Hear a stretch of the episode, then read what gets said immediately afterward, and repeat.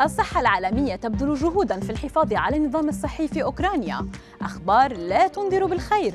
فايزر تعلن تحتاجون جرعة ثالثة ورابعة. إهمال صحة الفم. أخطر مما كنا نتوقع.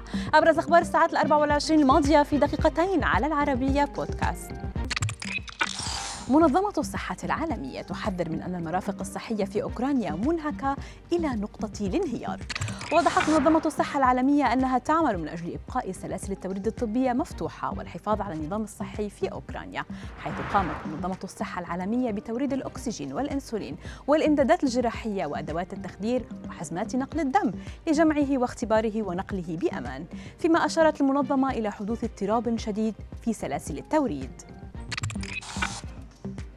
أكد رئيس شركة فايزر أن معظم الناس سيحتاجون لجرعة رابعة من اللقاح ضد فيروس كورونا لحمايتهم من العدوى. معتبرا أن تلك الجرعات باتت ضرورية لمعظم الناس في نظام الجرعتين الأوليتين ومعه الجرعة الداعمة غير قادر على الحماية من المتغيرات مؤكدا أن مفعولهم يتضاءل بسرعة كبيرة ما جعل الجرعات الداعمة ضرورة.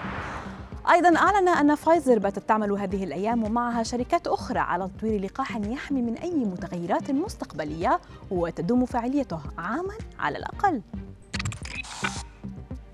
لصحة الفم أهمية أكثر مما كنا نتوقع ويمكن أن يؤدي إهمالها إلى أكثر من مجرد تسبب في رائحة فم كريهة ونزيف اللثة. فقد ألقت دراسة جديدة الضوء على النتائج الصحية الخطيرة التي قد تترتب على إهمال صحة الفم وفق موقع إكسبريس البريطاني. وكانت المفاجأة أنها وجدت أنه إذا كانت رائحة الفم كريهة ونزيف وتورم اللثة جزءا من حياتك فقد تكون معرضا لخطر الإصابة بمضاعفات في القلب والأوعية الدموية.